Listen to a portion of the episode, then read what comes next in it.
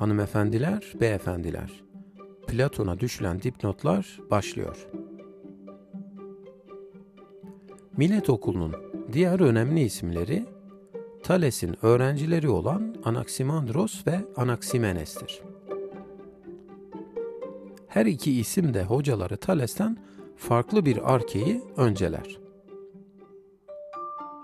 Anaximandros M.Ö. 610 ila 546 yılları arasında yaşamıştır. Doğa üzerine adlı eseri doğaya ilişkin eser kaleme alan ilk Yunan olarak tarihe geçmesini sağlamıştır.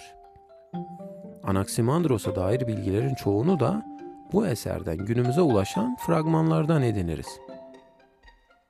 Anaximandros'un tasarladığı evren hocası Thales'ten çok daha ayrıntılı ve çok daha farklıdır. Hocası Thales'in aksine dünya belirli bir merkez üzerinde durmaz.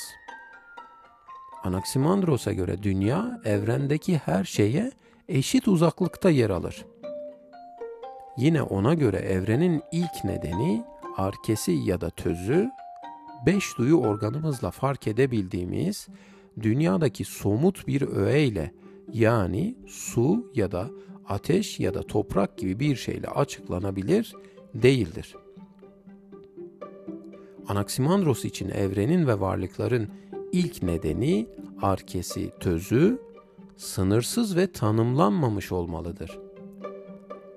Hocası Thales'ten farklı bir şekilde düşündüğünden arke, töz nedir sorusuna haliyle farklı bir yanıt verir ve evrenin temelindeki ilk nedene, arkeye ya da töze apeiron adını verir.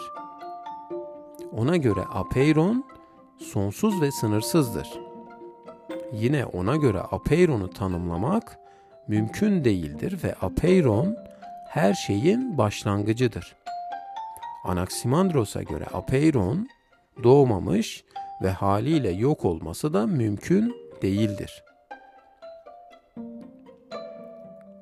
Anaximandros ilk nedenin su ya da bilinen başka bir şey olmayacağını kanıtlamaya da çalışmıştır. Ona göre bu öğelerden biri olsaydı diğer tüm öğeler ortadan kaldırılabilirdi. Aristoteles'e göre Anaximandros bilinen tüm somut öğelerin birbirine karşıt olduklarını söyler. Anaximandros'a göre hava soğuktur. Su nemlidir ve ateş sıcaktır. Bundan dolayı bunlardan biri ilk neden olsaydı o zaman geri kalanların var olması mümkün olmayacaktı. Bunun için ilk neden evrendeki çatışmalardan uzak, tarafsız bir yapıya sahip olmalıdır ki bu tarafsız yapı da Anaximandros'a göre apeirondan başkası değildir. Apeiron maddi bir neden olan suyun aksine evrendeki tüm maddeleri bir araya getiren ve evrenin uyum içerisinde var olmasını sağlayan ilk neden arke ya da tözdür. Hocası Thales evreni maddi bir temele dayalı olarak açıklarken Anaximandros maddi olmayan, somut ve görünür olmayan bir nedene başvurur. Çünkü maddi ve somut olan bir şey elbet bozulabilir, değişebilir. Ancak maddi olmayan, sonsuz ve sınırsız yapıda olan bir ilk neden ancak ve ancak evrenin ve evrendeki diğer tüm varlıkların temel özünü oluşturabilir. Millet Okulu'nun son temsilcisi M.Ö. 585 ila 528 yılları arasında yaşamış olan Anaximenes'tir. Anaximenes de tıpkı Anaximandros gibi arkenin ilk nedenin tek, sonsuz ve sınırsız olduğunu iddia eder ama bu nedenin belirsiz değil de belirli olduğunu ifade ederek ondan ayrılarak hocası Thales'e yaklaşır. Thales'in Arke'nin su olduğunu iddia edişine benzer şekilde Anaximenes de Arke'nin su gibi maddi bir yapıya sahip olduğunu düşünür. Anaximenes'e göre bu maddi neden yani arke ya da töz ise havadır. Hava Anaximenes'e göre dünyanın üstünde yer aldığı temel ilkedir.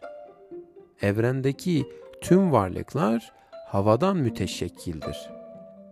Hocası Thales evrenin ya da dünyanın suyun üzerinde durduğunu iddia ederken Anaximenes evrenin ya da dünyanın hava üzerinde durduğunu düşünür. Hava ilk bakışta görünür bir şey değildir ancak hareket etmeye başladığında ve yoğunlaştığında görünür hale gelir. Hava ilkin rüzgar, sonra bulut, ardından su olur ve en nihayetinde yoğunlaşır ve kalınlaşır. Ta ki toprak ve taş olana kadar. Anaximenes'e göre havanın en seyrek hali ise ateştir. Ona göre evrendeki her şey havanın seyrelmesi ve yoğunlaşması sonucunda meydana gelir. Bunu da herkesin anlayacağı basit bir deneyle anlatır. Anaximenes'e göre dudaklarınızı büzüp daha sonra ağzınızı iyice açıp avucunuzu üflediğinizde ilkin sıcak, daha sonra ise soğuk bir havayı hissederiz. İşte bu durum havanın geçirdiği aşamaları gösteren basit bir örnektir. Anaximenes evrendeki her şeyin hatta insan ruhunun da havada meydana geldiğini düşünür. Tıpkı havanın dünyayı her yönden sardığı gibi ruhumuz da bedenimizi her yönden sarmaktadır. Anaximenes bu şekilde insan bedenini dolduran havayı insan ruhuyla bir tutarak ruh kavramıyla ilk kez karşılaşmamızı da sağlamış olur.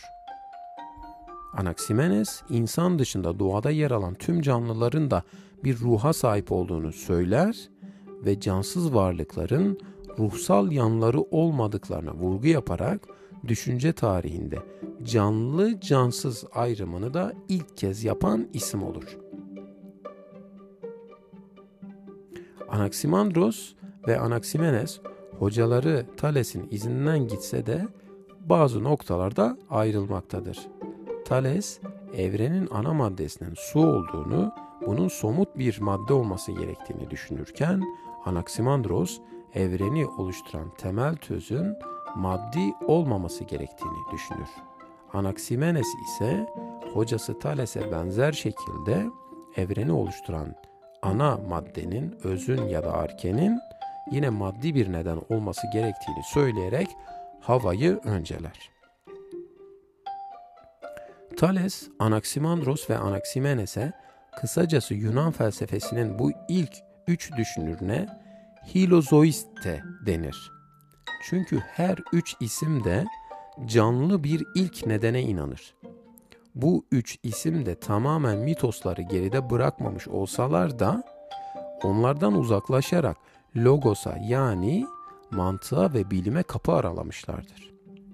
Millet okulu bu anlamda başardıklarından ötürü değil de kalkıştıkları bu girişimlerinden ötürü önemlidir. Onlar evreni mitolojik hikayeler yerine mantıksal ve bilimsel bakışla ele alma girişiminde bulunmaları açısından düşünce tarihinde son derece önemli bir yere sahiptirler. Thales'in, Anaximandros'un ve Anaximenes'in ortaya koyduklarını aynı zamanda birer bilimsel hipotez olarak varsaymak da gerekir. Onların sordukları sorular, ulaştıkları cevaplar ve her türlü iddiaları kendilerinden sonra gelecek olan düşünürler için bir esin kaynağı olması açısından son derece önemlidir. İlk üç bölümde felsefenin ortaya çıkışını, millet okulunun felsefeye bakışı ve evreni ele alışını görmüş olduk. Bir sonraki bölümde ruh göçüyle birlikte sayıların ruhu olduğuna inanan Pitagorasçılığın ne olduğuna değiniyor olacağız. Bir sonraki bölümde görüşmek üzere, hoşçakalın.